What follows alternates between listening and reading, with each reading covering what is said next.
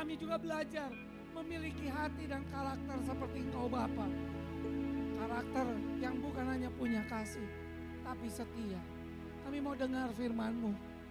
Kami membutuhkan engkau lebih daripada yang lain. Kami mau hidup di dalam visi yang Tuhan taruh. Apa pun yang keadaan kami, berbicara lebih daripada yang hambamu mampu sampaikan, mampu nyatakan. Roh Kudus, kami beri tempat yang utama, muliakanlah sang firman Yesus Kristus di tengah kami. Karena ketika kami tahu kebenaran, kebenaran itu bukan hanya membuat kami sukacita, tapi membuat kami merdeka. Terus maju terus mengalami terobosan. Karena itu yang kau mau. Kami bukan jadi ekor tapi jadi kepala. Mengalami engkau Tuhan. Bukan jadi penonton, tapi semuanya akan melihat. Bukan untuk kemuliaan kami tapi memuliakan Bapa di surga. Terima kasih. Berbicaralah Tuhan. Berbicaralah. Berbicara. Dalam nama Yesus. Haleluya yang lapar, haus dan antusias kita katakan. Amin. Sekali lagi beri kemuliaan bagi Tuhan. Silakan duduk, shalom. Satu kehormatan ya di dua tahun baru sudah kita lewati tahun baru uh, Masehi dan tahun baru Imlek. Sungguh luar biasa. Kita memasuki tahun yang baru yang luar biasa tinggal tahun baru Israel masih lama Oktober saudara ya. Ya, tahun baru rekan kita yang muslim juga masih lama ya. Saudaraku saya percaya nggak kebetulan 2020 berarti 2020 berarti double blessing. Amin. Amin. Ya baik hari ini saya bertanya-tanya kenapa ya kalau tiap saya bawa firman di Kuningan selalu temanya visi. Saudara. Hari ini saya diminta untuk persiapan atau teman-teman pakar bilang mengejar visi sama saudara. Ya saya lebih suka sama-sama kita bilang mengejar apa? Visi. Waktu saya menyiapkan ada sesuatu yang berbeda. Saya berharap saudara bertemu dengan saya hari ini dapat sesuatu yang dari Allah berbeda. Ada tiga hal yang berbeda. Yang berbeda pertama teman-teman musik tolong tetap di sini. Hanya beberapa menit. Tahu-tahu ketika saya menyiapkan ini, tahu-tahu Tuhan bilang, ajak mereka nyanyi lagu yang sudah kadaluarsa. Dan saya ingin menaikkan pamor lagu ini, Sungai Sukacitamu. Mari kita bangkit berdiri, kita nyanyi dua kali. Percayalah saya dulu sebelum jadi pengkhotbah MC dulu saudara ya. ya, Sungai Sukacitamu. Sungai Sukacitamu. Tahu ya? Aku bersuka cita mengalir aku. Ku bernyanyi dan bersuk pujihu di setiap waktu sebab sungai sukacitamu. Sekali lagi katakan sungai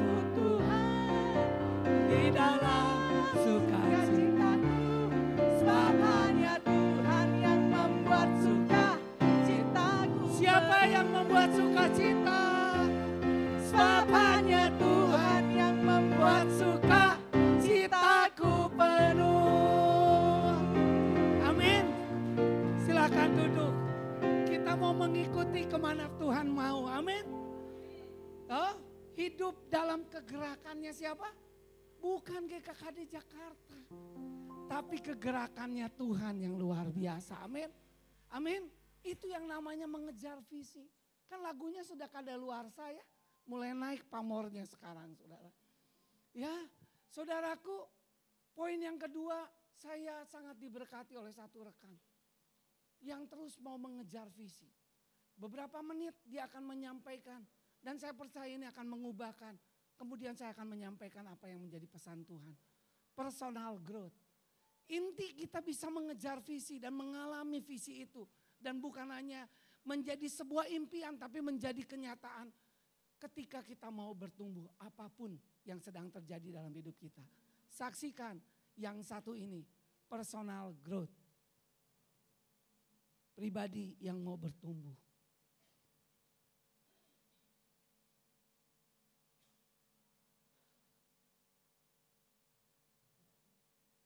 Silakan. Ya, mohon maaf kalau Agus, Bang Agus dengan Cici Agus.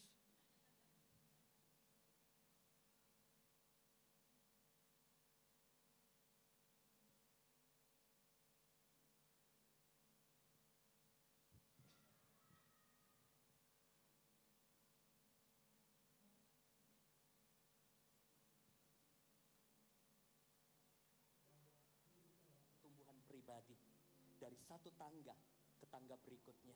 Kita naik dari level satu ke level berikutnya.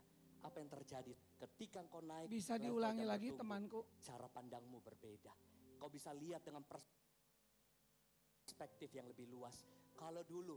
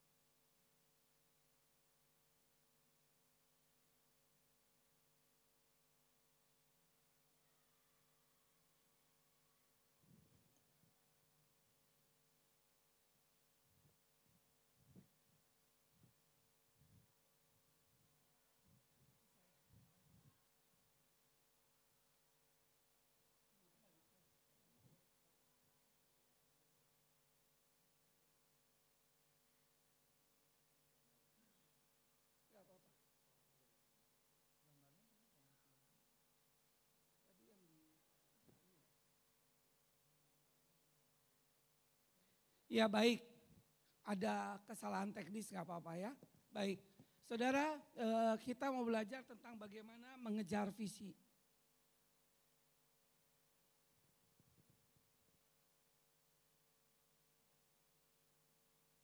Bisa tolong? Baik ya.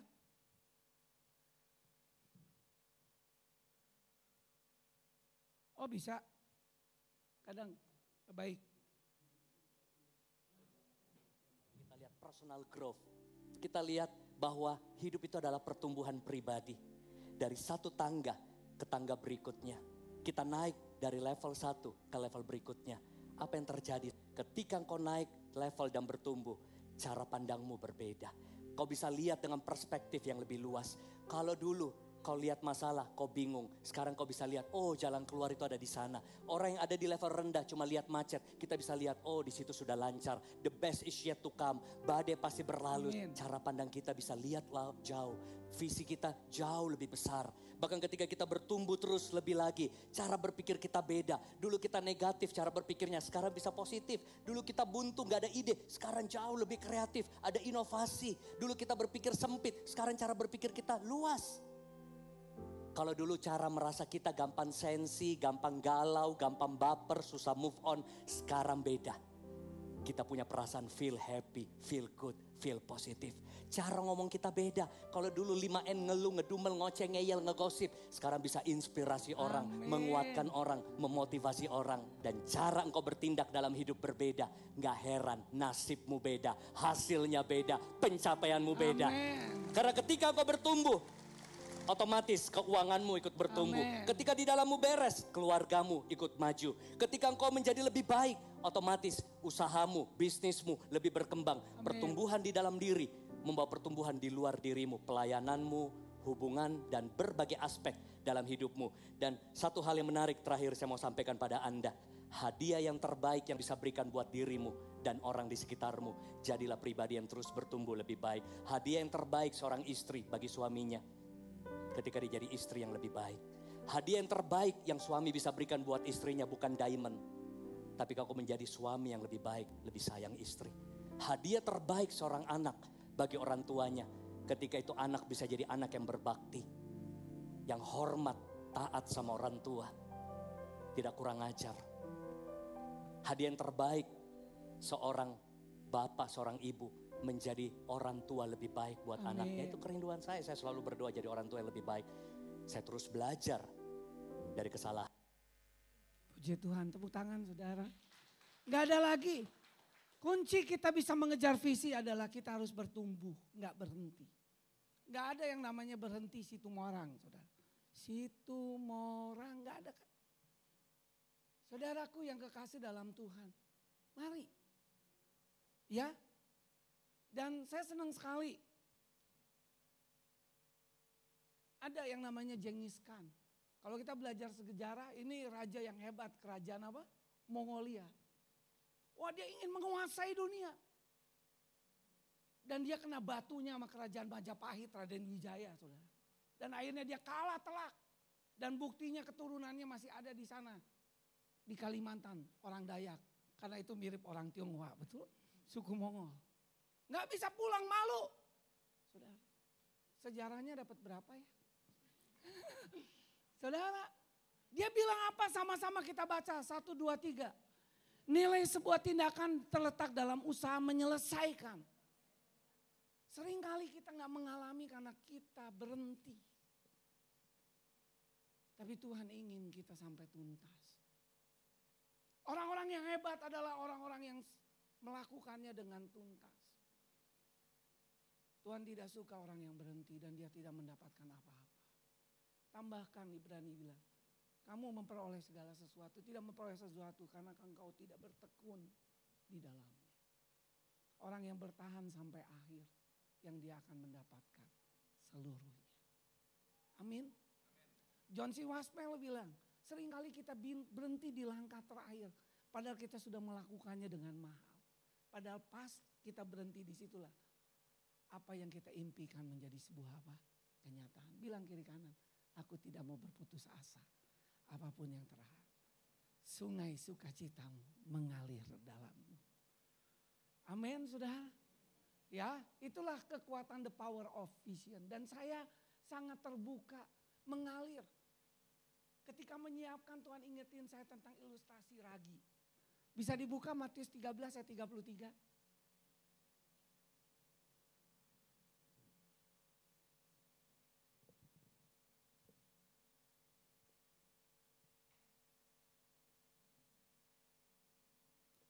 Matius 13 ayat 33 bilang seperti ini. Dan ia menceritakan perumpamaan juga kepada mereka hal kerajaan surga itu seumpama ragi yang diambil seorang perempuan.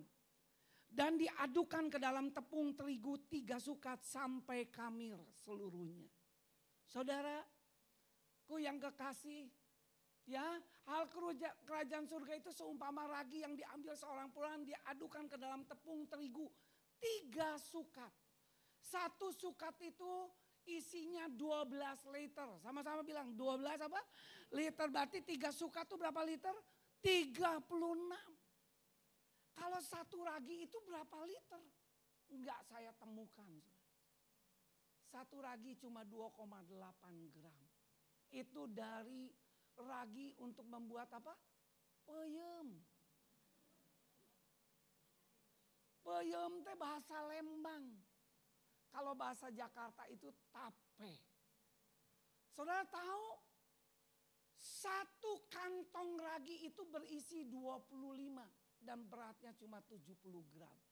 Jadi satu tape, eh satu ragi isinya cuma 2,8 gram.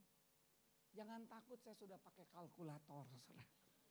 Hanya 2,8 gram. Dan saya cari ke Mbak Google, 2,8 gram itu berapa liter?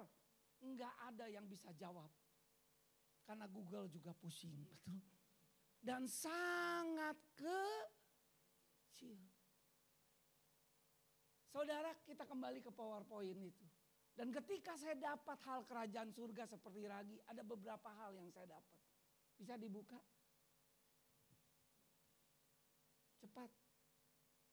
Ragi itu selalu lebih sedikit dari adonan. Bisa kebayangkan kalau ragi sama seperti adonan. Seringkali ketika kita punya visi kita merasa dirinya lebih kecil dari visi itu. Itu normal. Kalau ada visi, betul? Lebih besar diri saudara, itu nggak normal. Yosua ketika dapat visi melanjutkan Musa, dia juga seperti nggak merasa nggak berharga, takut. Tuhan hanya bilang kuatkan dan teguhkan apa? Hatimu berulang. Seringkali kita merasa kecil. Udah gitu di tengah keluarga juga merasa apa? Kecil karena anak bungsu. Betul. Dibandingkan dengan abang-abang kakak-kakak. Udah gitu di KT juga apa? Bener-bener KT. Betul. Betul kan? Betul-betul merasa diri gak berharga. Maksudnya kata yang salah. Tapi saudara adalah kelompok tumbuh. Tepuk tangan amin. Yang terus mau jadi personal growth. Seperti gak berarti, gak berharga. Bahkan gak berani menyampaikan apa sebuah fi. Lebih baik tersembuh. Nih coba lihat kiri kanan. Banyak gak orang tersembunyi saudara. Saudara Sepertinya KT itu bukan KT yang otentik, tapi KT yang tersembunyi. Kalau bahasa kerennya jaim. Jaga image ya, Ibu Yuli. Takut dimasukkan ke Facebook. Saudara, saudaraku yang kekasih yang kedua, saya lihat Ragi. Ragi memerlukan waktu untuk mengkamiri seluruh adonan. 36 liter, Bo. Enggak langsung. Karena ragi bukan kopi kapal api instan. Butuh waktu. Harus loyal to proses. Tapi mau nggak kita bertumbuh? Sehingga kita lihat bukan masalah, tapi kita lihat peluang dan mujizat nugerah Tuhan yang besar. Setuju? Amin. Yang ketiga, Tantangan minoritas mengubah apa? Mayoritas. Seringkali apalah artinya. Kita mah lilin kecil. Udah gitu lilinnya juga tinggal sedikit. Mati bagus. Yang penting meninggalnya masuk surga. Apa begitu? Saudara enggak. Tuhan selalu memakai. Satu orang mengejar seribu, dua orang mengejar apa? Selaksa. Amin. Amin. Ketika saya tiga tahun yang lalu, sekarang tahun yang keempat. Ketika Tuhan bicara untuk saya meninggalkan sebuah kenyamanan itu nggak gampang. Jangan ikut-ikutan ya. Nanti saya nggak mau tanggung jawab. Enak ya, hidup seperti kotim, mau nggak prosesnya? Yang paling hebat mah bukan gue, istri gue. Hebat ya, punya istri mau ditinggal-tinggalin. Kemarin baru ketemu, ada yang share, nanya, mau ketemu saya sekarang mainnya rumah makan. Istri saya hanya ngomong gini, saya dapat visi kalau nggak didukung istri nggak ada gunanya. Kesepakatan tuh nggak boleh lebih dari dua orang, dua orang aja cukup. Itu bicara suami istri. Enak bujangan ya, ya coba kiri kanan bujangan enak, milih sendiri langsung. Nggak pusing. Ya Bang Puji, tinggal puji Tuhan terus. Saudara. Haleluya, glory, betul. Saudaraku yang kekasih. Tapi akhirnya? Mayoritas juga ikut. Seperti kayak sekarang.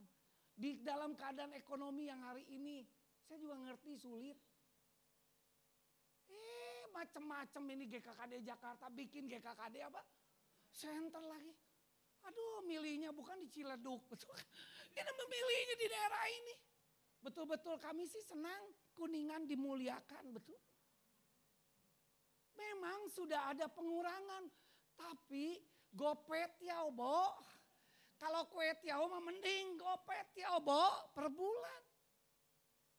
Kalau lu di gereja GBI biasa. Di GKKD. Mam, Dad, lagi sakit apa? Ini orang tua makin tua teh makin menjadi. Ini apa hilang ingatan atau apa. Saudara, betul.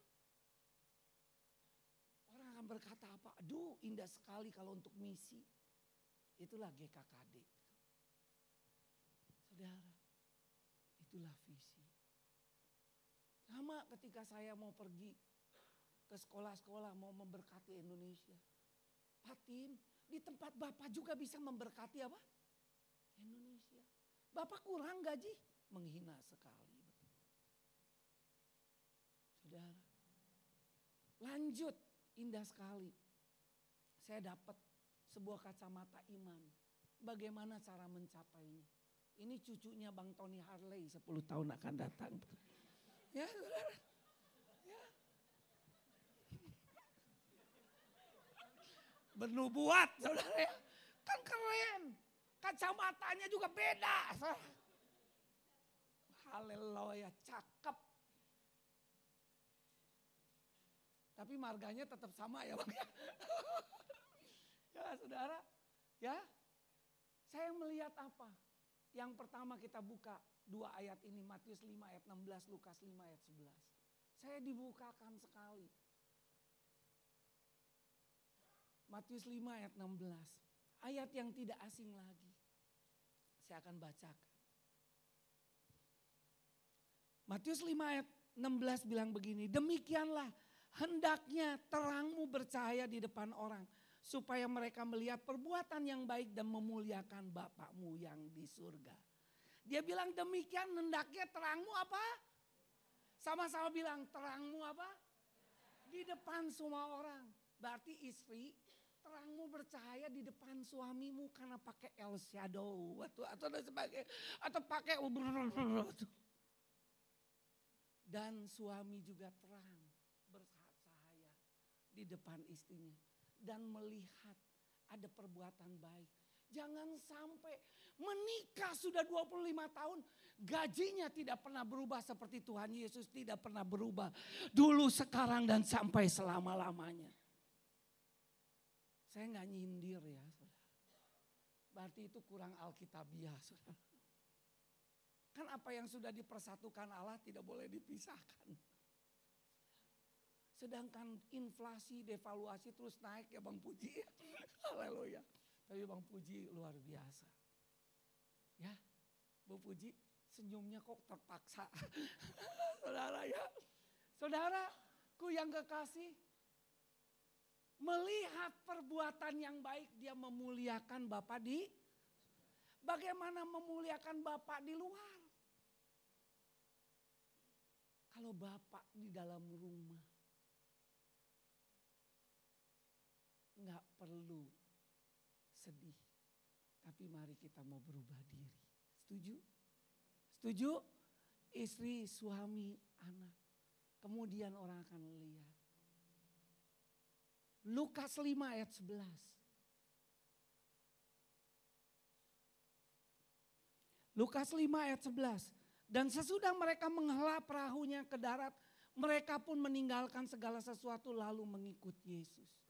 Dia bukan hanya melihat, tapi ketika dia melihat kehidupan Yesus, mereka berani meninggalkannya dan mengikut. Itulah yang terjadi yang bikin kaget saya ketika hari Sinsyah mendadak saya membuka rumah open house karena dihadiri oleh Koabun yang dimuliakan. Betul. Datanglah keluarga besar Koabun. Ini saya teh mimpi atau enggak? Untung saya belum pergi. Dan dia mulai cerita. Koabun baik-baik saja Koabun. Luar biasa. Dia cerita kok, Kotim, saya datang ke sini karena saya mau membalas kasih Tuhan lewat hidup Kotim. Ingatkah Kotim, waktu dulu, waktu saya awal-awal ikut Tuhan, saya sebenarnya belum terima Yesus. Karena anak saya kelas 9 itu ikut sebuah persekutuan di mana Bang Anta memimpin. Dan pada waktu itu saya mengalami tragedi. Dan saya baru tahu bagaimana bengkelnya itu karena kerusuhan terbakar sampai habis. Oh iya saya ingat betul-betul waktu itu itu Bang Anta tuh menyusahkan saya luar biasa. Kotim tolonglah. Karena hanya Kotim yang bisa menjawab karena mukanya sama dengan orang-orang yang saya layani. Di daerah Pademangan waktu itu. Kotim saya tuh baru sebulan buka pelayanan udah ngalami kayak gini dan semuanya sedang dalam keadaan frustasi. Dalam keadaan capek saya pergi. Saya juga lupa bahwa firmannya apa. Tapi bagi Koabun itu menyentuh. Dan itu sangat luar biasa. Dan bukan hanya itu kok. Saya dibimbing, dimentor, dibangun oleh Bang Anta. Sampai satu kali saya pergi ke satu daerah Tanjung Priuk diajak oleh Bang Anta. Dan saya melihat ada orang yang kehidupannya lebih susah dari saya. Dan mendadak impian saya yang dari Singkawang membangun bengkel terkenal di Jakarta hidup. Sampai-sampai bilang hidup. Dan akhirnya mulai ada semangat. Kaleng-kaleng bekas oli yang untung nggak dibuang dipajang semuanya sehingga orang menganggap olinya masih banyak padahal udah nggak ada isinya betul. Wah itu menginspirasi saya. Dan bersyukur akhirnya apa? Sekarang dia sudah punya enam bengkel. Dan tiga puluhan orang itu dibawa. Kalau kok abun gak datang, barisan ini agak kecewa saudara. Itu kursi-kursi itu. Dan akhirnya orang meninggalkan kampungnya ke Singkawang. Kenapa? Karena ada kemuliaan Koabun. Baru Ko Yesus. Tepuk tangan saudara. Amin. Amin saudara. Dan saya paksa untuk dia tinggal di rumahku. Di apartemen. Dan saya sewa apartemen. Dan satu apartemen itu milik dia sendiri. Saudara. Karena istri dan keluarga yang lain pulang. Saudara. Saya bilang kau harus bersaksi. Karena saya mau bicara di Chinese Year. Dan pertama kali kami mengadakan ibadah Chinese Year. Dan orang-orang yang saya layani bilang gini, puluhan tahun saya di KKKD baru sekarang orang Tionghoa dimuliakan. Dan akhirnya saya bilang, untuk itulah Tuhan ingetin saya kisah Rasul 16 ayat 31. Untuk apa Bang Ferry nyuruh saya buka pelayanan di Chinatown. Kalau satu orang percaya, seisi keluarga diselamatkan. Amin. Amin. Mari kita putihkan GKKD. Haleluya betul. Jangan kalah dengan situ morang. Betul. Dengan simbolon dan sebagainya. Ada abun, ada amen, ada aliong. Betul gak? Dan amei. Beri kemuliaan bagi Tuhan. Amin.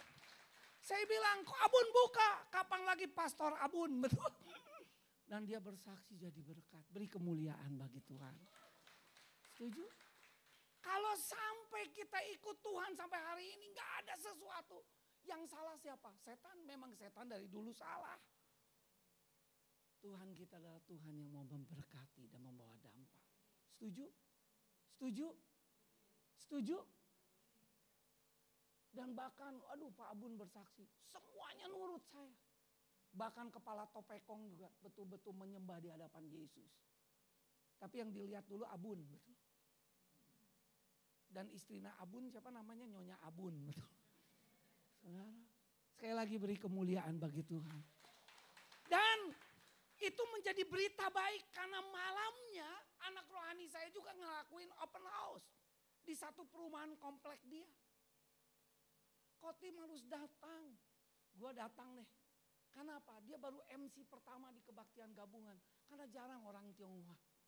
Beri kekuatan, inspirasi supaya dimuliakan dan ada semangat. Saya datang. Ketika saya datang, dia senang sekali. Dan begitu banyak orang. Dan saya kaget. Beberapa rumah ngejajar itu punya siapa? Punya kami. Pada tahun yang lalu, dia nangis-nangisan istrinya dengan suaminya kepada kami. Kok keluarga kami bangkrut gara-gara adiknya salah memilih istri. Dan akhirnya istrinya menggelapkan uang pabrik papanya di Tanjung Pinang. Dan akhirnya, oh, ibu kota Bangka tuh apa? Pangkal Pinang. Habis semuanya. Sekarang di pengadilan. Dan bukan hanya itu kok. Sekarang keluarga besar kami pindah ke Bandung. Dan akhirnya rumah kami menjadi rumah besar luar biasa. Selesai mereka ngeluh saya doakan. Besoknya istrinya calling saya. Kok hiburkan suami saya. Sepertinya suami saya tidak terima. Dia ngomong apa? Dia hanya diem kok. Kan belum ngomong. Saya tahulah hidupnya terganggu privasi dan ketentramannya. Saya panggil dia secara pribadi. Saya paling senang kalau panggil orang itu sambil makan. Makan itu membawa kemuliaan. Saya makan. Saya bilang gini gimana? Ya kok saya juga pusing. Beban ekonomi nambah dan sebagainya. Apalagi sekarang toko kok harus saya bikin aplikasi. Saya bilang, apakah Tuhan iseng? Tuhan ingin berkati keluargamu. Tuhan turut bekerja. Dan saya lihat sekarang seluruh keluarganya ikut dia dan bikin toko di pasar Andir. Tepuk tangan. Memang belum sebanyak penduduk dan rakyatnya kok abun betul. Tapi mengikuti. Sekali lagi saudara. Seringkali kita ingin langsung besar. Tapi itu dimulai ketika kita bertumbuh. Dan kita akan lihat Tuhan akan bekerja secara ajaib. Setuju? Kita lanjutkan poin yang ketiga. Kisah Rasul 5 ayat 14, kisah Rasul 6 ayat 7. Memang beda ya. Saya bilang ya ketika saya menyampaikan firman Tuhan seperti menyampaikan tentang kebenaran pemuridan, betul? Tapi itu yang Tuhan bicara. Mungkin ayat-ayat yang sederhana. Dan makin lama makin bertambah apa? Baik laki-laki maupun apa? Perempuan. Visi itu adalah tujuannya bukan sekedar kita dapat kekayaan, dapat pangkat. Tapi banyak orang dibawa kepada Tuhan. Itu kendaraan, setuju? Siapa yang setuju dengan saya angkat tangan? Apa gunanya kau punya kekayaan, kedudukan karena nggak ada. Tapi di Alkitab bilang ketika Daniel, Sadrak, Mesak, Maka semua orang mengikut Tuhan. Setuju? Caranya kita nggak boleh kasar. Semuanya ada caranya. Setuju? Tapi makin. Yang saya suka apa? Baik laki-laki maupun perempuan. Ada pesan baru untuk GKKD Jakarta. Yang belum dapat jodoh pasti dapat jodoh. Amin saudara. Itu yang membuat saya gairah. Tahun ini saya punya visi youth revival dan new prospect. Yang saya lihat apa? Laki-laki jarang sekali di new prospect. Makin bertambahlah perempuan dan makin susah saya cari jodoh, betul? Jadi jangan kepelayanan itu susah. Ada dua laki-laki, satu sudah jadian. Jadiannya dengan yang beda 13 tahun. Yang satu lagi, masa satu laki dikeroyok 10 orang betul. Dan sebentar lagi akan closing. Tapi ketika saya dapat ayat ini. Yes, new prospect ribuan orang. Lebih daripada JPCC. Amin. Amin. Ibadah sore. Bang Tony udah pernah ke sana ya. Saya bilang ini akan new prospect. Saya ngobrol dengan Ko Iwan satu jam setengah. Saudara, visi dari sesuatu yang tak mungkin. Oh, tak mungkin, tapi itu akan mungkin. Setuju? Setuju? Kita lanjutin. Firman Allah makin apa? Bukan hanya mereka mengikut, meninggalkan, tapi dia mau duduk diam, mau belajar firman Allah. Setuju? Mau ikut kelompok tumbuh, mau ikut kelompok pemudi dan setuju? Ketika firman Allah tersebar, apa yang terjadi? Jumlah murid di Yerusalem makin bertambah banyak. Siapa yang mau jumlah family bertambah banyak di Kuningan? Jadilah engkau orang yang mau melakukan firman. Enggak ada lagi saudara. Orang yang bisa mengejar visi adalah hidup dalam firman. Tuhan tahu kekurangan dan kelemahan. Saya belajar tentang Bapak Abraham. Bapak Abraham banyak kelemahan gak? Banyak. Akibatnya sampai sekarang coba. Kalau dia nurut gak ada suku Ismail. Betul. Gak ada peperangan di Timur Tengah. Tapi Tuhan kagum dengan dia. Ketika Tuhan ingin bumi hanguskan Sodom dan Gomora. Ada satu kalimat yang saya suka. Tuhan bilang, bagaimana mungkin aku tidak menyampaikan kepada sahabatku. Bagi Tuhan yang paling penting bukan profesimu, bukan jabatanmu tapi kedekatanmu dengan Tuhan. Amin. Itu yang membuat saya senang Tuhan, saya tahu banyak kelemahan, saya banyak kekurangan, tapi aku punya kelebihan. Aku mau dekat dengan engkau. Kau sahabat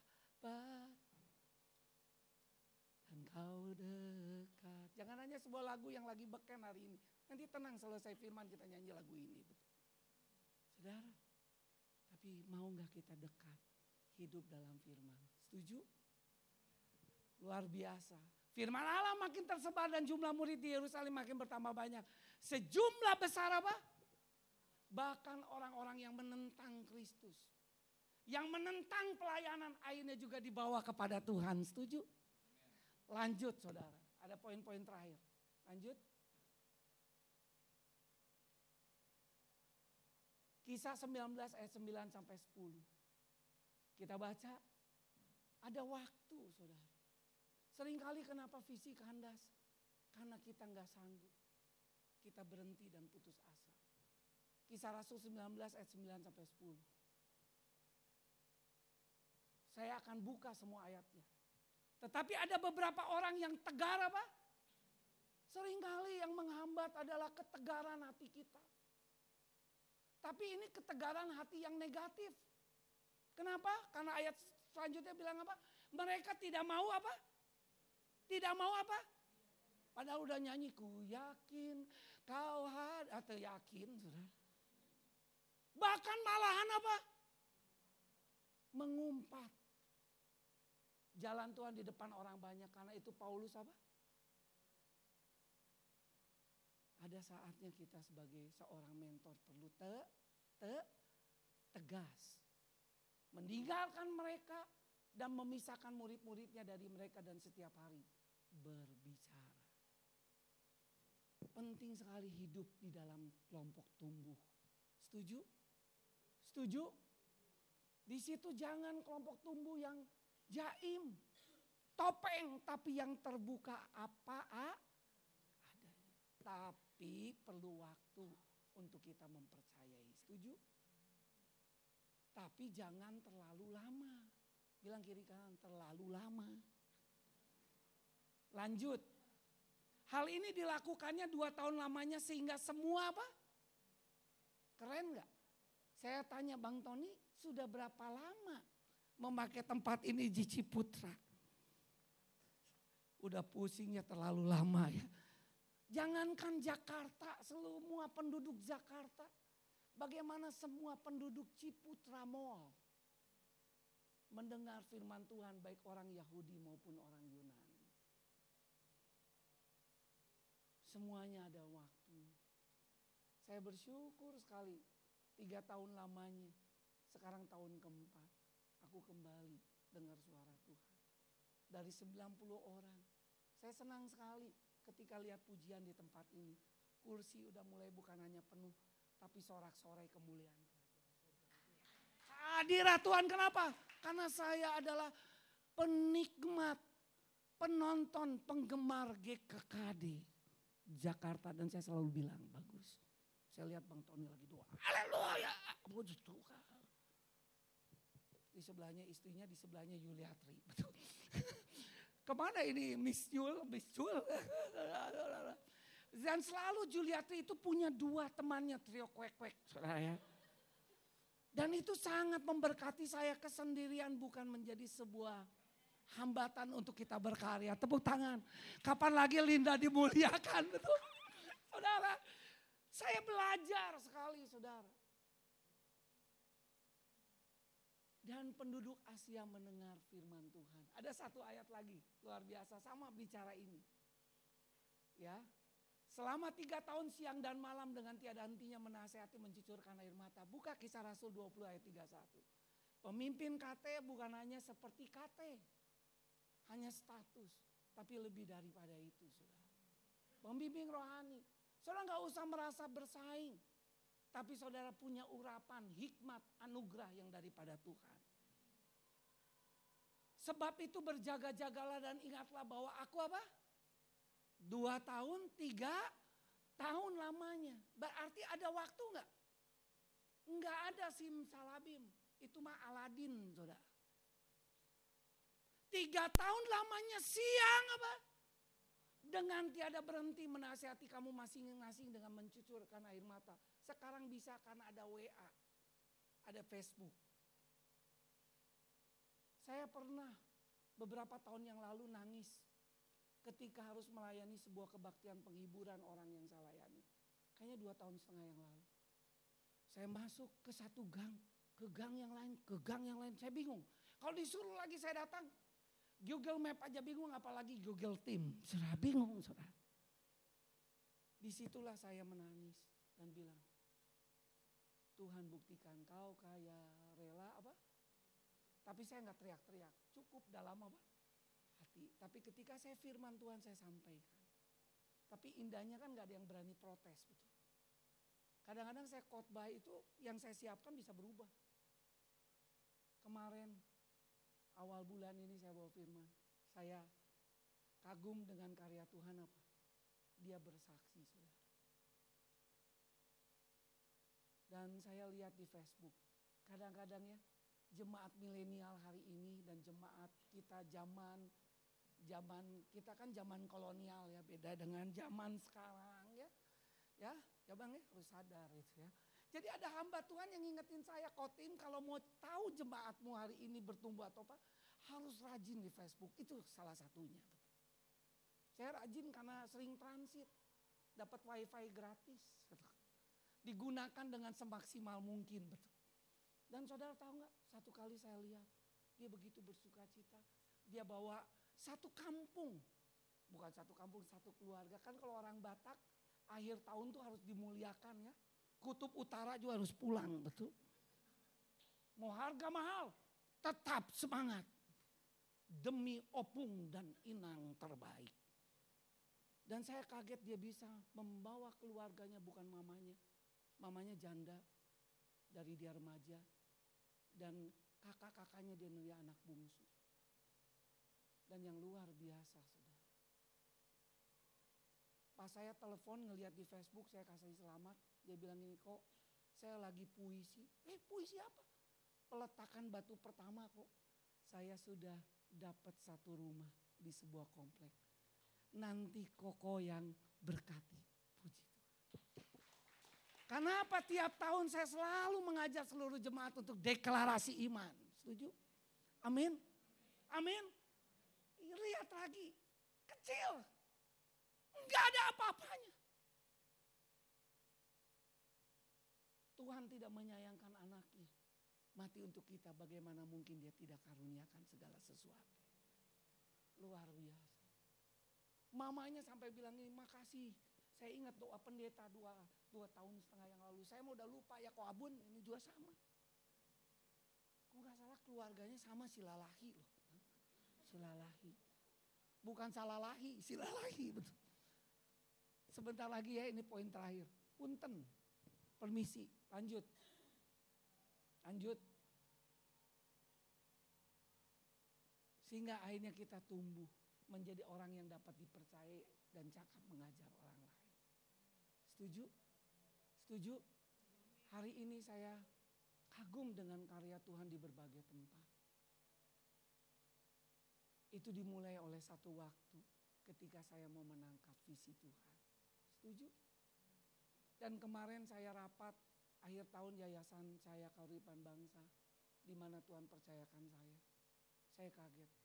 Di desa yang dusun yang kecil dan terpencil.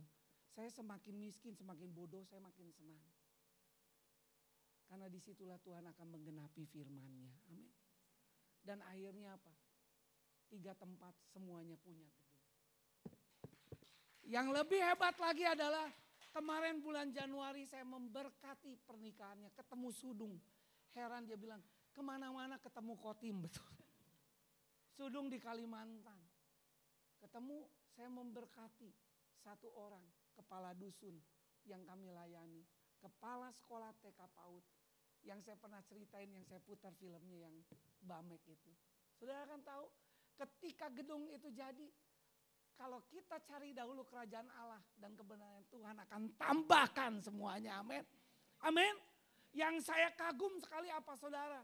Enggak ada yang kebetulan dengan dana yang ada akhirnya selesai. Dan ketika dia mau menjelang selesai, dia berdoa Tuhan, saya sudah saatnya ingin punya pasangan hidup.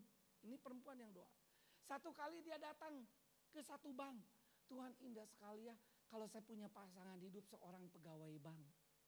Terus yang kedua Tuhan, saya ingin, saya emang nggak mau cepet, eh, gak mau pacaran lama-lama, mau cepet kawin. Dan yang ketiga, saya ingin calon suami saya mencintai desa ini karena saya kepala dusun, gak mungkin pergi. Sepertinya gak mungkin. Tahu-tahu CKB bulan Oktober buka rekening untuk dia. Jadi Allah turut bekerja kalau saya nggak buka rekening tidak akan bekerja, saudara.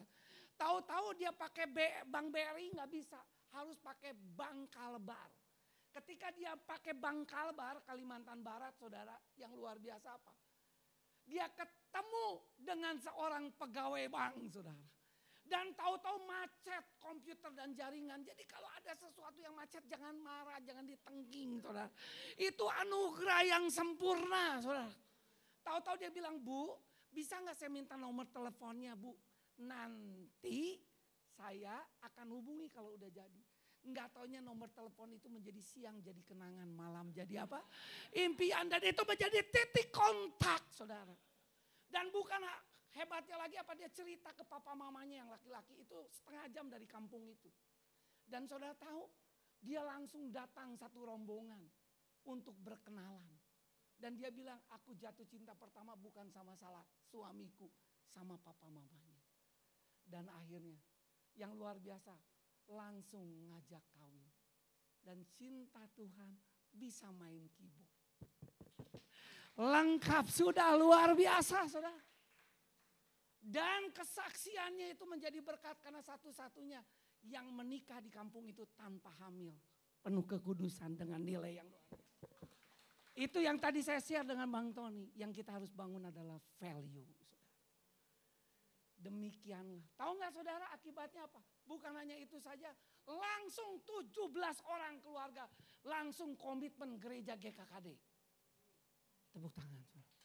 Nggak sulit untuk maksain orang ke GKKD. Betul. Kita ngomong setan komit, setan komit. Gak ada yang komit satupun. Betul. Tapi ketika melihat itu. mau? Dan itu yang jadi berkat yang saya mau sampaikan.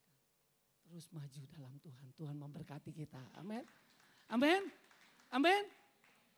Itulah visi saya hari ini. Mari kita penuhi GKKD dengan anak muda yang luar biasa. Amin. Amin. Mari kita bangkit berdiri. Sungguh besar. Terima kasih. Semuanya datang kepada Tuhan dan maju dalam Tuhan. Maju. Tetap semangat, tetap kuat. Minggu pertama setelah pengumuman Pak Jokowi mengenai kasus virus corona ya, betul ya kita beribadah di tempat ini, amin. Dan setelah ibadah ini nanti kita akan didoakan ya supaya ada proteksi Tuhan buat setiap umat Tuhan, amin. Ada penjagaan Tuhan, ada pemeliharaan Tuhan, amin. Gak ada lagi yang perlu kita takutkan Bapak Ibu, karena Tuhan bersama-sama dengan kita, amin. Puji Tuhan saudara ya. Baik hari ini kita mau sama-sama belajar tentang mentalitas memberi Bapak Ibu Saudara.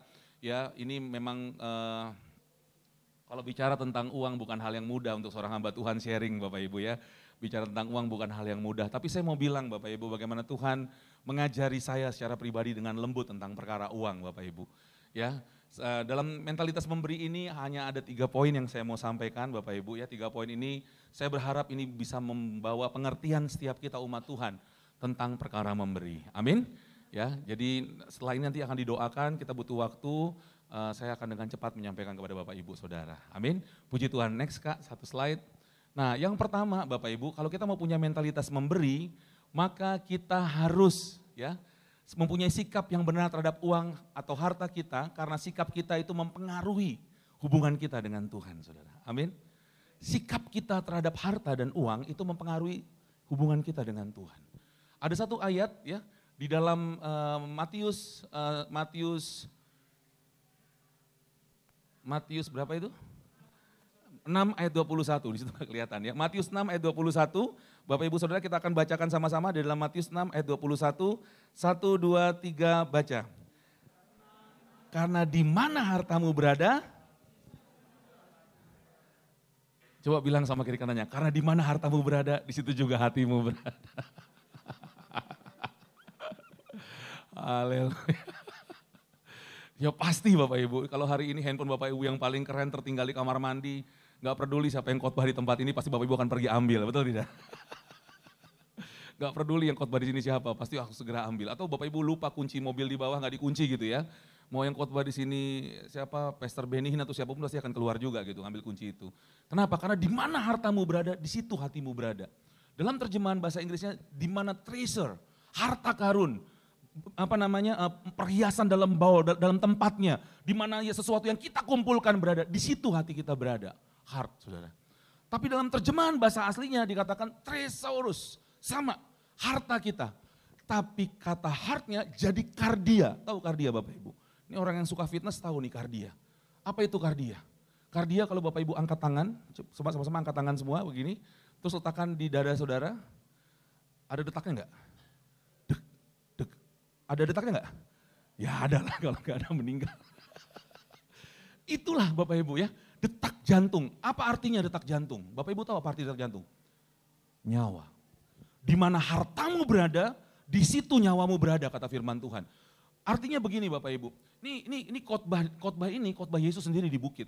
Matius 5, Matius 6, Matius 7 itu khotbah tentang Tuhan khotbah Tuhan Yesus yang paling fenomenal. Khotbah di bukit Bapak Ibu Saudara. Di mana ada uca, 8 ucapan bahagia, Tuhan Yesus dan hukum Taurat, hal beribadah, hal berpuasa, hal uh, apa namanya melayani, semua diajarkan. Nanti mungkin satu kali bisa jadi khotbah uh, rangkaian khotbah tentang kehidupan. Bagaimana Tuhan mengajarkan khotbah di bukit tadi. Tetapi di tengah-tengah khotbah tersebut tiba-tiba dia bilang begini, di mana hartamu berada, di situ hatimu berada. Uh kaget saudara. Semua orang kaget. Di mana hartamu berada, di situ hatimu berada. Tapi setelah itu Tuhan bilang apa Bapak Ibu Saudara? Setelah itu Tuhan bilang begini, kalau matamu terang, semua kelihatan terang. Kalau matamu gelap, semua kelihatan gelap dikatakan. Lalu selanjutnya dibilang begini, bagaimana seseorang bisa menyembah kepada dua Tuhan? Kalau dia nyembah yang satu, pasti yang satunya tidak akan dia tidak akan dia sembah. Kalau seseorang menyembah mamon, bagaimana dia menyembah Allah? Dari ayat itu saya coba renungkan Bapak Ibu. Saya baru mengerti kenapa Tuhan bilang di mana hartamu berada, di situ hatimu berada. Kenapa Tuhan bilang seperti itu? Karena ternyata sikap kita terhadap harta kita itu mempengaruhi hubungan kita dengan Tuhan kita. Sikap kita terhadap harta kita, terhadap apa yang kita miliki, terhadap apa yang kita punya, mempengaruhi hubungan kita dengan Tuhan kita. Kenapa Tuhan bilang begini sama anak muda? Aku sudah ikut engkau, aku sudah lakukan semua hukum Taurat, aku sudah melakukan semua yang kau mau. Terus Tuhan bilang begini, jual semua hartamu, ikuti aku. Lalu dibilang susah kalau begitu guru, gak bisa deh. Nah karena itu dia bilang, lebih sulit orang kaya masuk ke dalam kerajaan sorga daripada unta masuk ke dalam lubang jarum. Itu baru saya mengerti. Memang benar keselamatan kasih karunia Tuhan, semua karena anugerah Tuhan saudara. Tapi waktu hati kita terkait sama harta kita, dengar baik, maka itu akan mempersulit hubungan kau dengan Tuhan. Amin. Ini poin yang pertama kalau kau mau punya mental memberi saudara. Ini poin yang pertama kalau kita mau punya mental memberi. Bahwa kita mesti mengerti bahwa harta kita, apa yang kita miliki, sangat mempengaruhi hubungan kita dengan Tuhan kita. Nah pertanyaannya yang Tuhan mau cuma satu, biarlah semua hartamu, kekuanganmu, kekayaanmu bisa kau lepaskan. Karena engkau hanya cinta kepada Tuhanmu, Tuhan yang menciptakan langit dan bumi. Amin. Ini yang Tuhan mau kita ngerti. Waktu kita punya sikap seperti ini, saya mau kasih tahu, mentalitas memberi udah mudah sekali. Karena dia tahu apa yang dilakukan dalam hidup dia. Dia mengerti apa yang dilakukan dalam hidupnya, Bapak Ibu Saudara. Amin. Ini poin yang luar biasa. Makanya di ayat selanjutnya dibilang apa di situ Bapak Ibu? Ya, makanya kita baca sama-sama dalam kitab Amsal itu. Satu, dua, tiga baca.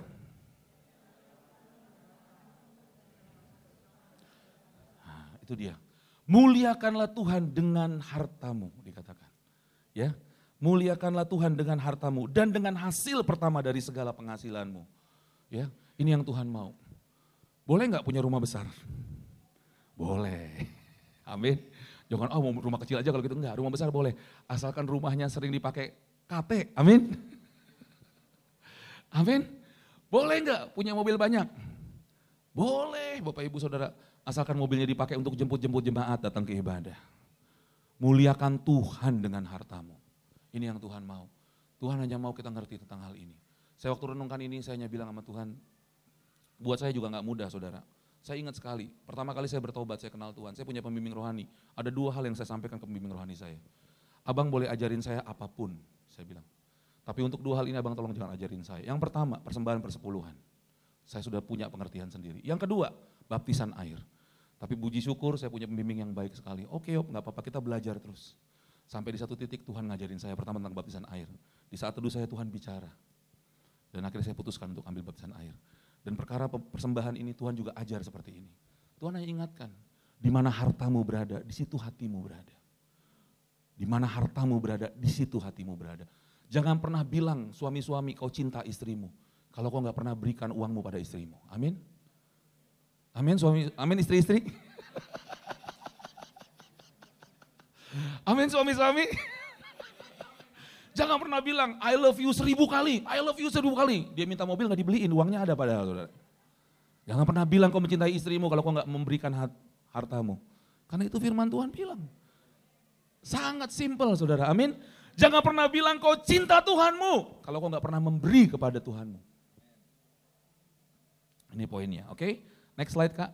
Ya, artinya apa bahwa Tuhan mau kita punya pengertian bahwa mental kita terhadap harta kita, terhadap apa yang kita miliki, itu sangat mempengaruhi hubungan kita dengan Tuhan, saudara. Itu sangat mempengaruhi hubungan kita dengan Tuhan. Ini yang Tuhan mau kita tangkap sama-sama. Ini poin yang pertama kali yang kita mesti mengerti. Sehingga kita tahu apa yang kita lakukan dalam hidup kita, saudara. Amin. Kita bisa berkorban, kita bisa memberi, kita bisa melakukan semuanya karena kita punya pengertian yang benar. Bahwa Tuhanlah segalanya dalam hidup kita. Kita nggak pernah perhitungan dengan Tuhan, kita nggak pernah hitung-hitungan. Amin. Dan Tuhan juga nggak pernah hitung-hitungan dengan kita. Puji Tuhan. Yang kedua, Bapak Ibu Saudara, next Kak. Yang kedua, ternyata baik persepuluhan maupun janji iman itu adalah inisiatif manusia. Bukan permintaan Tuhan. Tuhan gak pernah minta. Hei Tuhan kita Tuhan yang kaya, pencipta langit dan bumi. Suatu kali ada seorang bilang gini, guru engkau gak bayar pajak, engkau dan murid-muridmu gak bayar pajak. Tahu gak Yesus lakukan apa Bapak Ibu? Dia suruh muridnya tangkap ikan, tangkap ikan. Habis tangkap ikan, di, ikannya diambil, di mulutnya ada apa? Ada uang. Habis ada uang dibilang apa? Bayar pajakmu dan pajakku. Tuhan sanggup lakukan semua mukjizat. Dengar baik. Ya. Terus yang kedua, waktu dia habis khotbah, ada 5.000 orang dengar khotbahnya. Hari sudah malam. Kasih makan. Bagaimana cara kasih makannya? Tuhan Yesus juga bilang gini, ini ambil giro nih tangan, ini giro saya ambil beli makanan. Enggak saudara. Apa yang ada padamu, yuk dia berdoa lakukan mukjizat. Tuhan kita Tuhan yang sanggup melakukan banyak perkara. Dia Tuhan yang kaya. Tapi, ya, tapi perjanjian kita dengan Tuhan secara keuangan, Tuhan berkenan dengan itu. Kita baca sama-sama firman ini saudara ya. Kita baca sama-sama di dalam wah di dalam kitab Kejadian Kejadian 14 ayat 7 sampai dengan 20 saudara. Amin. Kita baca sama-sama ya. Satu, dua, tiga baca. Setelah Abram kembali dari mengalahkan Kedo Laumer dan para raja yang bersama-sama dengan dia, maka keluarlah Raja Sodom menyongsong dia ke lembah Syawe, yakni lembah Raja. Melkisedek, Raja Salem membawa roti dan anggur. Ia seorang imam Allah yang maha tinggi. Lalu ia memberkati Abram katanya, diberkatilah kiranya Abram oleh Allah yang maha tinggi, pencipta langit dan bumi. Dan terpujilah Allah yang maha tinggi yang telah menyerahkan musuhmu ke tanganmu. Lalu Abram memberikan kepadanya sepersepuluh dari, sepersepuluh dari semuanya. Pernah ada seorang anak nanya sama saya, Bang perpuluhan dari net atau dari gross? dari net atau dari gross? Maksudnya gross apa? Maksudnya net apa? Ya, itu tergantung imanmu saya bilang. Tapi Abraham memberikan dari semuanya. Bagaimana Abraham cara memberikannya? Abraham tidak diminta Tuhan untuk memberikan itu. Dia habis perang mengalahkan Raja, Raja Kedorlaomer. Dia balik ke lembah, ke lembah. Dia ketemu dengan Melkisedek imam besar. Melkisedek membawa roti dan anggur. Itu melambangkan perjamuan kudus. Kemudian memberkati Abraham. Habis memberkati Abraham baru apa? Abraham memberikan sepersepuluh dari semuanya. Persepuluhan bukan permintaan Tuhan. Dengar baik. Tapi yang pertama kali inisiatif adalah Abraham. Ini namanya masih Abram saudara. Nanti kita baca di kitab Ibrani setelah ini. Namanya masih Abraham saudara. Dia lakukan itu dan itu menjadi budaya Yahudi. Dan waktu orang Yahudi melakukannya Tuhan berkenan. Makanya muncul di dalam kitab Maliaki, mungkin minggu lalu yang disampaikan. Ujilah aku kata Tuhan, amin. Ujilah aku, ada tiga hal yang diuji. Yang pertama, apakah aku tidak membukakan tingkap-tingkap di langit. Yang kedua, apakah aku tidak menghalau belalang pelahap. Dan yang ketiga, ini yang paling luar biasa. Apakah aku tidak membuat engkau berbahagia. Ternyata waktu beri persembahan kita berbahagia saudara, amin. Coba lihat kiri kanan, mukanya berbahagia. amin. Ternyata saya baru ngerti, oh ada tiga hal yang Tuhan kasih. Ini yang membuat kita berbeda mungkin dengan orang-orang saudara. Ketika kita melakukan hal itu, kita menjadi orang yang berbahagia. Amin. Ini janji Tuhan. Next kak, ya kita baca sama-sama di dalam uh, Ibrani 7 ayat 1 sampai 10. Ibrani Ibrani 7 ayat 1 sampai 10. Yuk kita baca sama-sama ya. Kristus dan Melkisedek. Boleh buka Alkitabnya, boleh buka handphone kalau ada di depan juga boleh ya Bang, ya dibantu yang ini bisa lihat juga. Ya kita baca sama-sama nggak banyak 1 sampai 10. 1 2 3 baca. Sebab Melkisedek adalah Raja Salem dan imam Allah yang maha tinggi. Ia pergi menyongsong Abraham ketika Abraham kembali mengalahkan raja-raja dan memberkati dia. Ayat 2, kepadanya pun Abraham memberikan sepersepuluh dari semuanya. Menurut arti namanya, Melkisedek adalah pertama-tama raja kebenaran dan juga raja Salem, yaitu raja damai sejahtera. Ia tidak berbapa, tidak beribu, tidak bersilsilah harinya tidak berawal dan hidupnya tidak berkesudahan. Dan karena ia dijadikan sama dengan anak Allah, ia tetap menjadi imam sampai selama-lamanya. Ini melambangkan tentang Tuhan Yesus saudara ya. Ayat 4, camkanlah betapa besarnya orang itu dan kepadanya Abraham Bapak leluhur kita memberikan sepersepuluh dari segala rampasan yang paling baik. Dan mereka dari anak-anak Lewi yang menerima jabatan imam mendapat tugas menurut hukum Taurat untuk memungut persepuluhan dari umat Israel yaitu dari saudara-saudara mereka sekalipun mereka ini juga adalah keturunan Abraham.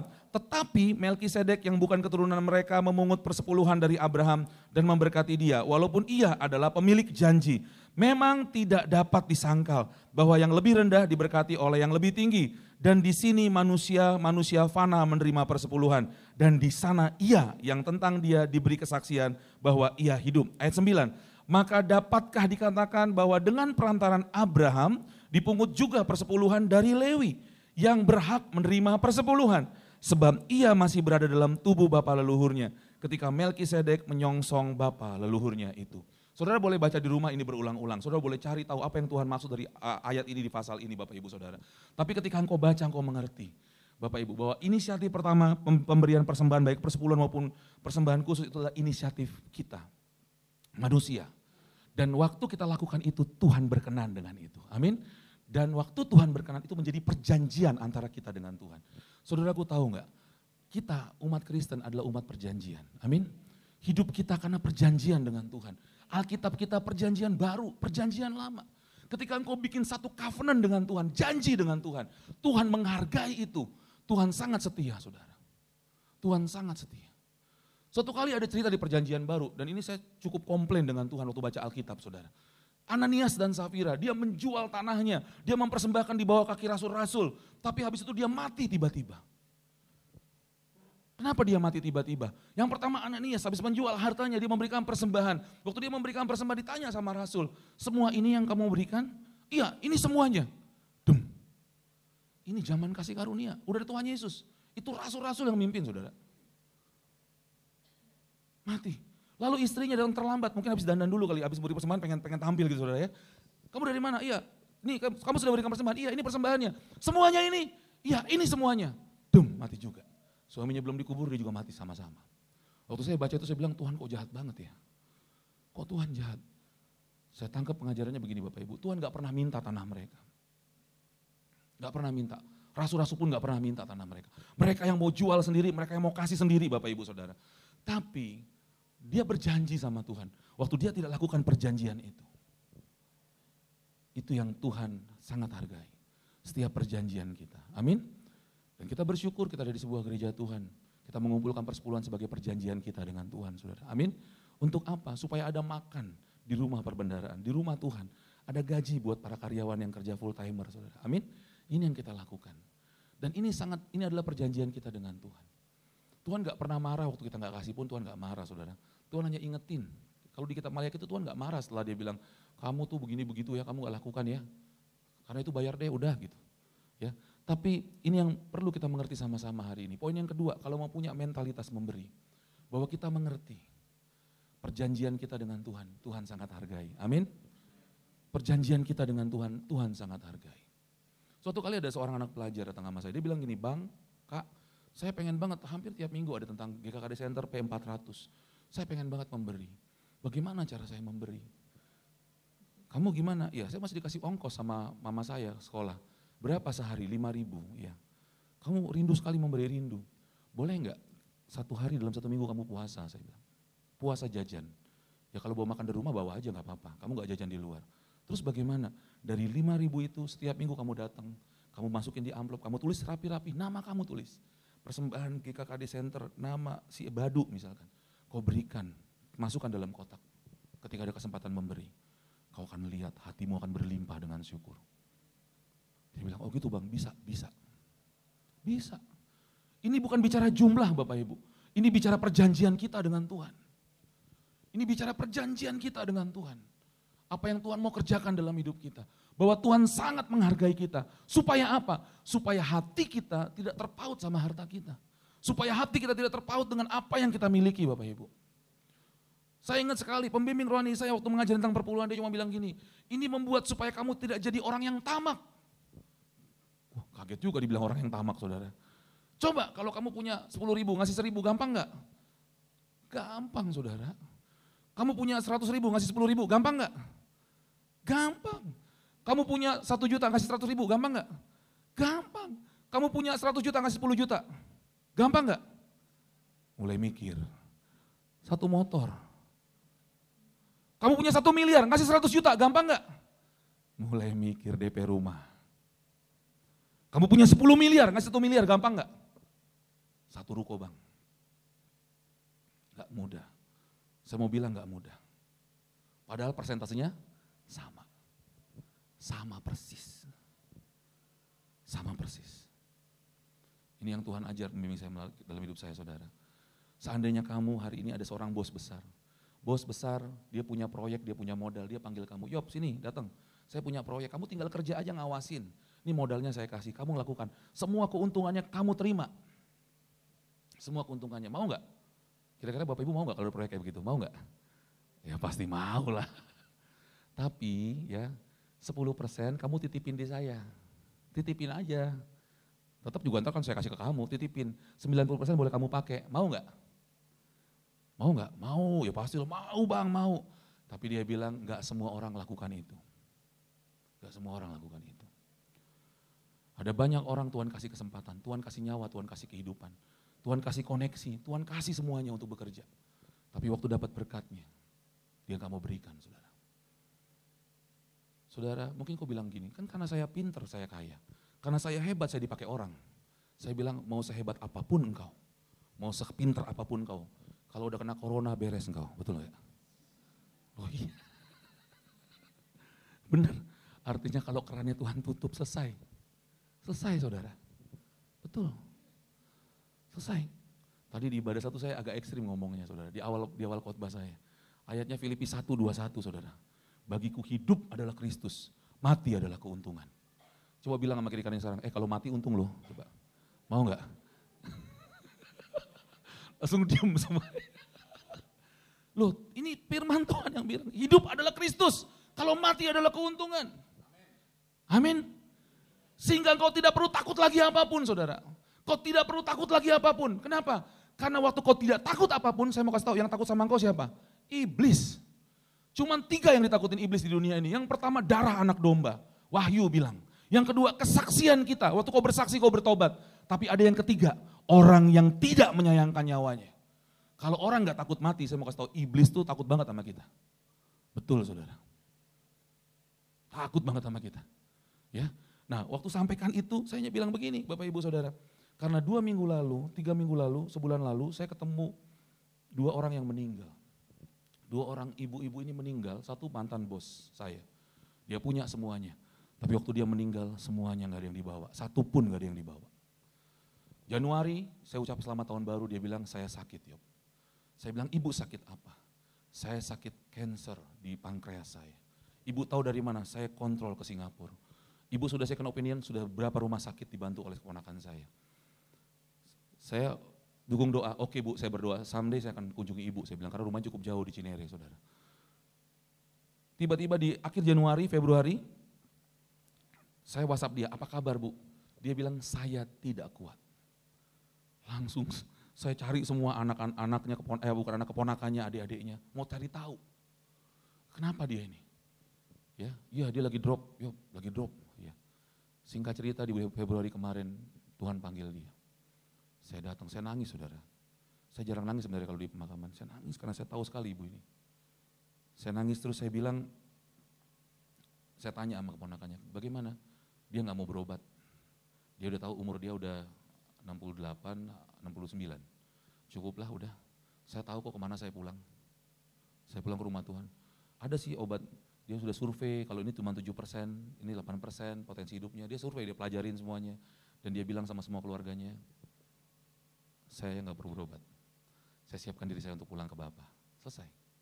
Tinggal apa? Tinggal hartanya semua. Dibagi-bagi lah. Yang kedua, ada jemaat Karawaci. Sama. Ini kakak-kakak, saya panggilnya kakak. Dia belum menikah, dia kerja, dia kerja, dia kerja, dia kerja, dia punya rumah, dia punya berapa rumah, dia punya berapa kendaraan, dia punya semuanya. Semuanya dia biayain adik-adiknya, keponakannya, abangnya bahkan. Kemarin meninggal, kami kuburkan. Tuhan ingatkan hanya satu itu. Waktu meninggal nggak ada yang dibawa saudara. Amin. Pas dia pergi, apa yang terjadi? Terjadi perebutan. Harta-hartanya. Saya cuma bilang geleng-geleng. Oh iya. Saudara dengar baik. Tuhan mau ngajarin kita supaya kita nggak tamak. Hanya itu saudara. Waktu kita belajar memberi, belajar punya janji iman di hadapan Tuhan. Hanya itu. Dan ini antara engkau dengan Tuhan. Antara kita dengan Tuhan. Ya, bukan karena dipaksa, penatua dipaksa para pemimpin. No antara kita dengan Tuhan. Waktu kita mengerti bahwa saya nggak mau terpaut dengan harta. Hati saya mau terpaut hanya kepada Tuhan. Ini yang Tuhan mau saudara. Amin. Ini yang Tuhan mau. Next kak. Ya, kita baca sama. Nah baru yang ketiga, ini prinsip yang ketiga saudara. Prinsip yang ketiga, ya, memberi yang terbaik adalah bagian kita. Amin. Memberi yang terbaik adalah bagian kita. Yuk kita baca sama-sama itu firman Tuhan dari Lukas 6 ayat 38, 1, 2, 3 baca. Berilah dan kamu akan diberi suatu takaran yang baik, yang dipadatkan, yang digoncangkan, dan yang tumpah keluar dan dicurahkan ke dalam haribaanmu. Sebab ukuran yang kamu pakai untuk memberi, untuk ukur akan di, diukurkan kepadamu. Amin. Sebab ukuran yang dipakai akan diukurkan kepadamu. Puji Tuhan saudara. Ya. Nah poin yang ketiga, untuk kita bisa punya mentalitas memberi, kita harus memberi yang terbaik. Amin. Kenapa? Karena Tuhan sudah pertama kali memberikan yang terbaik kepada kita. Amin.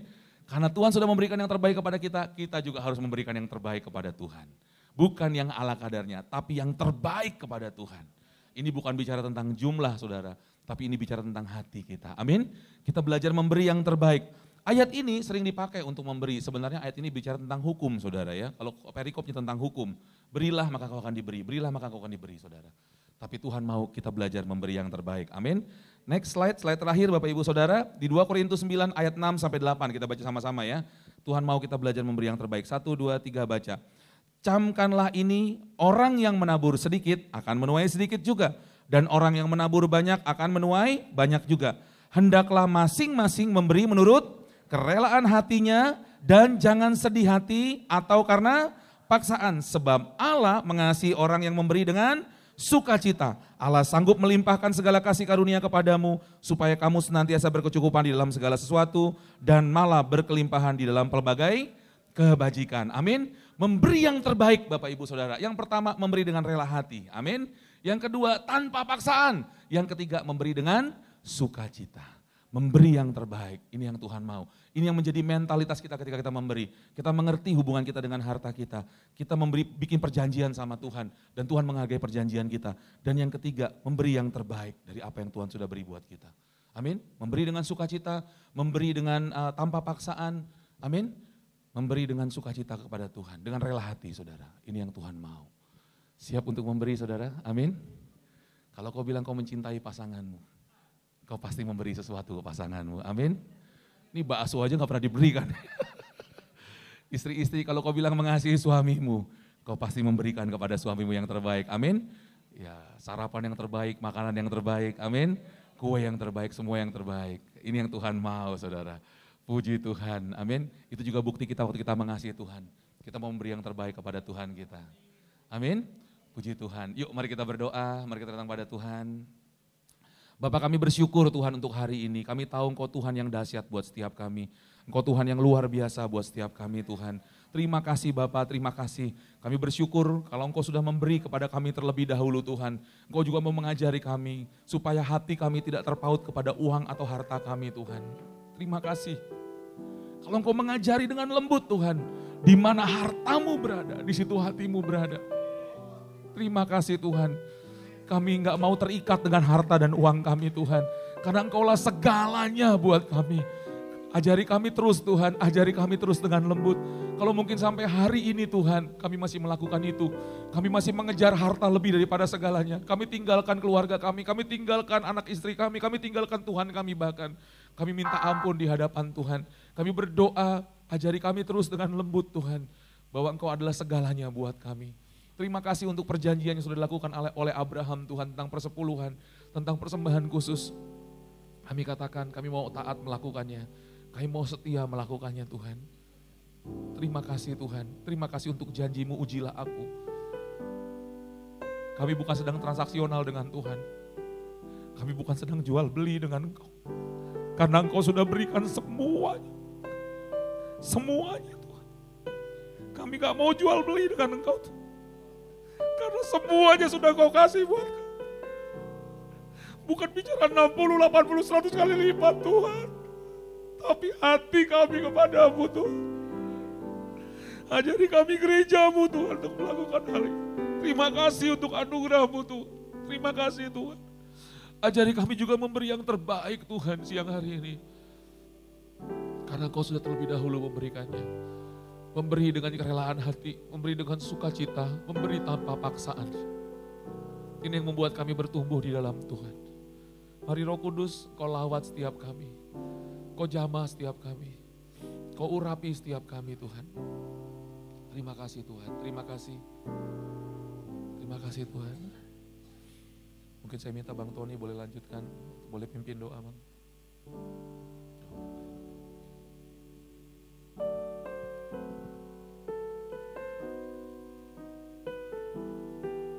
Undang Bapak Tony.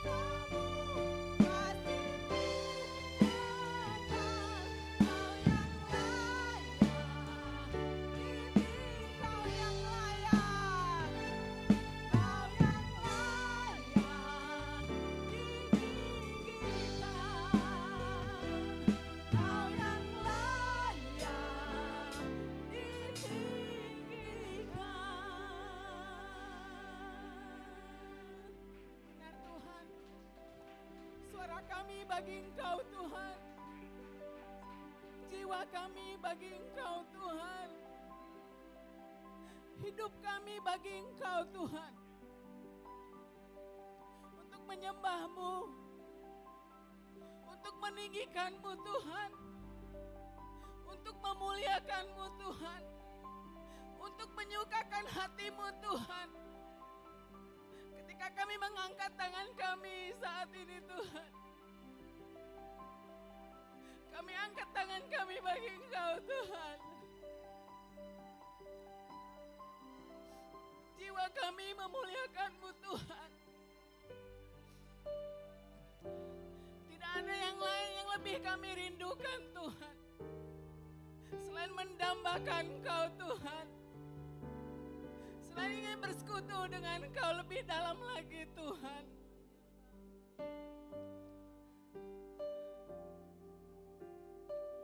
Kasih Tuhan. Kau sudah hadir bersama-sama dengan kami di tempat ini. Kau Tuhan yang hidup.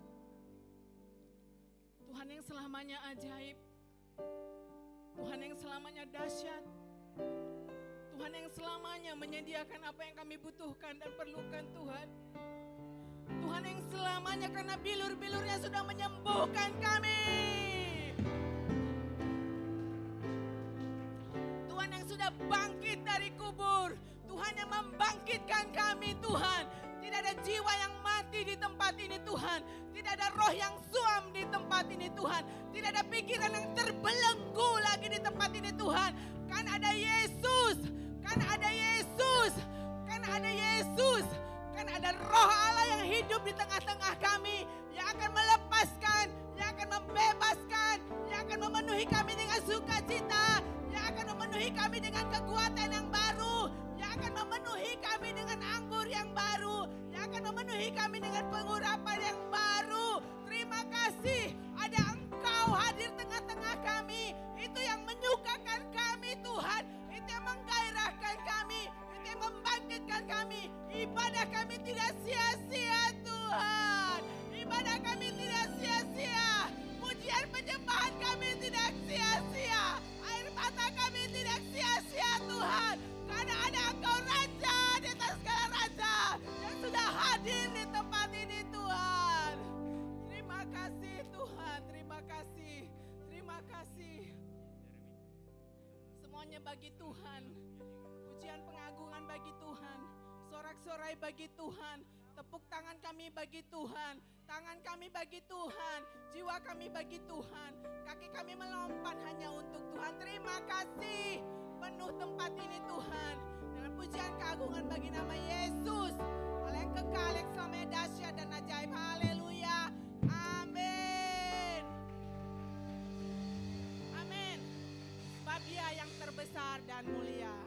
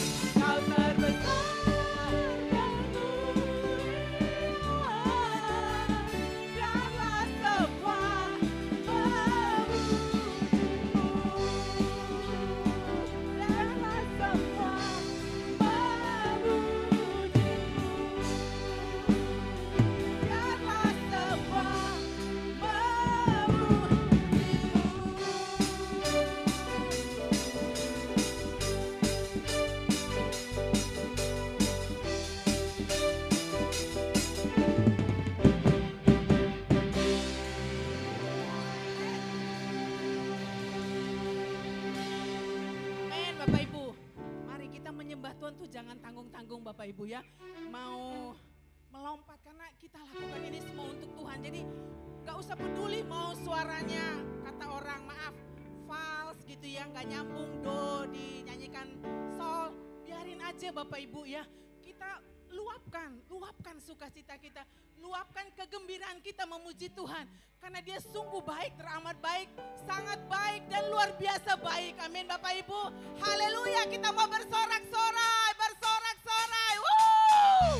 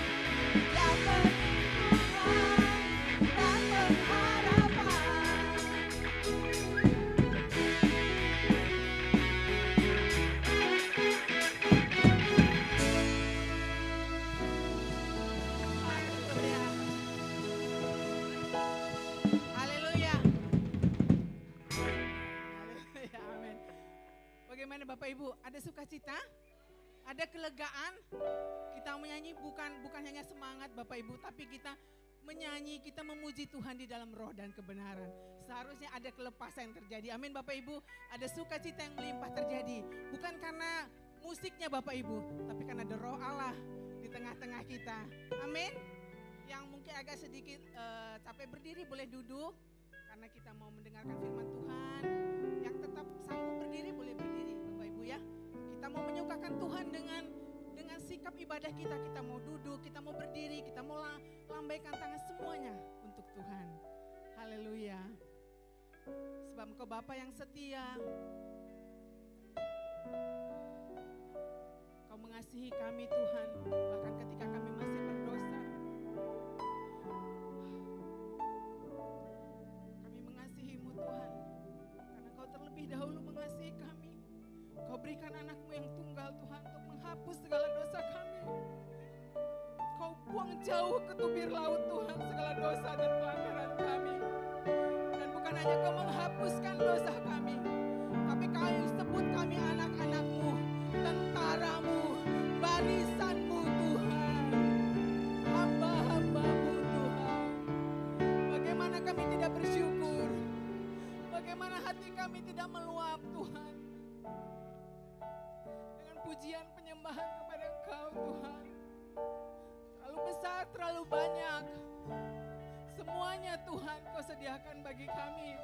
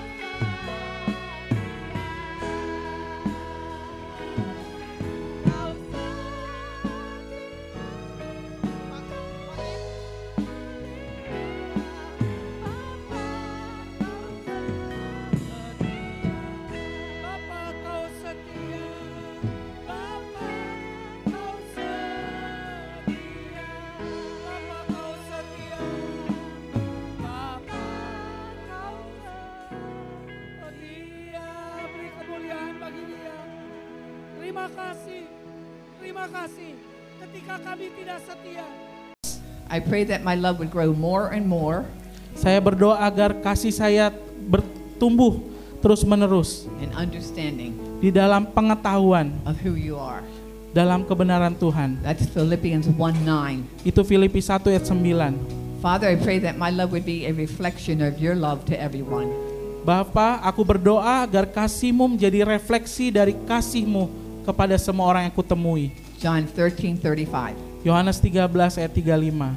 My prayer and confession, Doa dan pengakuan saya ini according to the Bible definition berdasarkan definisi Alkitab of love, di, tentang kasih is 1 Corinthians 13 1 Korintus 13 4 to 8. 4 sampai 8. Okay, and another neat verse in the Bible, I think we all know it, is Ephesians 3:20.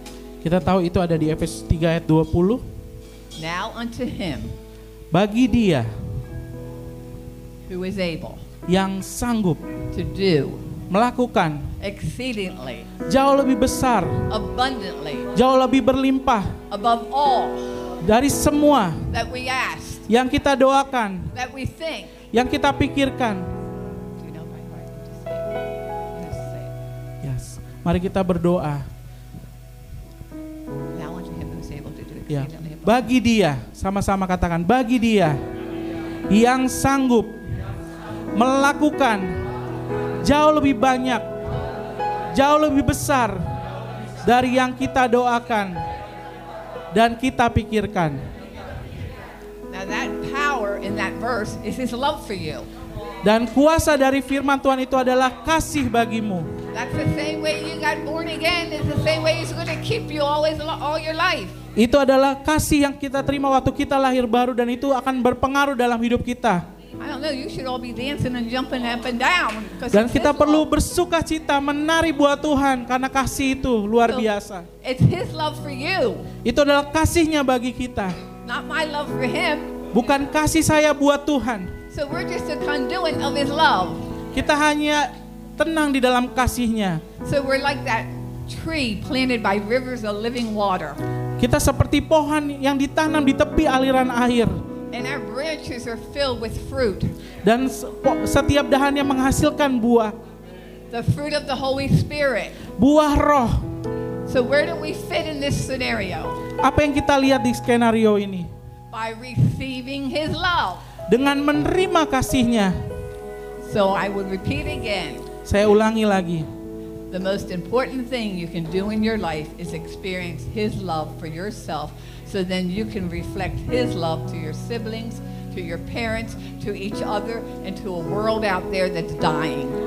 Hal yang paling besar yang bisa kita lakukan adalah menerima kasihnya sehingga kita bisa membagikan kasih kita kepada keluarga kita, saudara kita dan semua orang di dunia ini. So you can be John the Baptist, a modern day John the Baptist for someone and point them to Jesus Christ. Sehingga kita bisa jadi Yohanes Pembaptis di masa modern ini. Okay, so I'm going to ask if anyone has not really received the love and was embarrassed not to raise their hand. I want them to come over here and receive it. Somebody will be, Carol, you want to go over there? Ada yang mau didoakan buat eh, saudara semua yang eh, merasa bahwa belum mengalami kasih Tuhan atau belum mengalami kasih Tuhan lagi. Setelah sekian lama saudara menerima Yesus lahir baru, kekristenan saudara jadi suam-suam. Eh, kasih saudara terhadap saudara, terhadap orang tua jadi suam. Kalian hidup eh, sebagai seorang Kristen hanya sebagai agamawi ke gereja, tapi kalian tidak mengalami kasih Tuhan itu. Boleh angkat tangan. Tim Grace Place akan doakan. Ya. And if any, anyone that just needs prayer, come, come over here and we'll be praying. Siapa yang butuh didoakan kalau ada pergumulan, sakit penyakit, And then just come up now. kalau ada yang mau didoakan boleh angkat tangannya. Ada? So y'all good, huh? Semua baik-baik aja? So drank that spiritual coffee. Yes. Ibu boleh maju ke depan biar didoakan. Ask them what they will remember Yes. today. Ya. Thing. kalian boleh bertanya, saudara semua boleh bertanya apa yang Tuhan mau kalian lakukan dalam hidup kalian dan kalau kalian tergerak untuk didoakan, silakan maju ke depan. Remember, the most important thing is His love for you. Ingatlah bahwa kasih yang paling penting dalam hidup kalian So by Ad- receiving, adalah kasihnya that, Tuhan. love, Dengan menerima kasih itu, life, itu akan mengubahkan hidup kalian and will be used to change others by His dan love. itu akan mengubahkan hidup orang lain. So I thank you. I'm opening the altars up for prayer. Saya membuka untuk kalian mau berdoa. And if it's anyone that has not really experienced His love, Gail is over there to have prayer with you. So I thank you all and I bless you all. Just remember, He loves you. Ya. Kalau ada yang mau butuh didoakan, boleh maju ke depan. Ya. We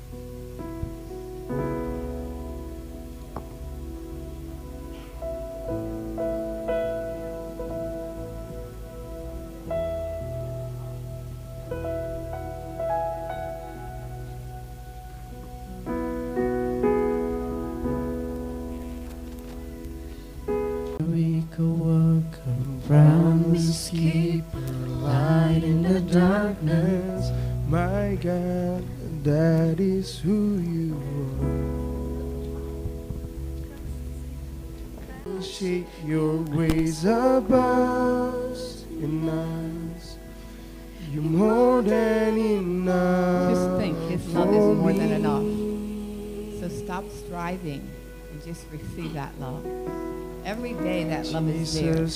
Like fresh waterfall that just falls over your head and rejuvenates every you. Have you ever walked in the fresh dew in the morning in the grass?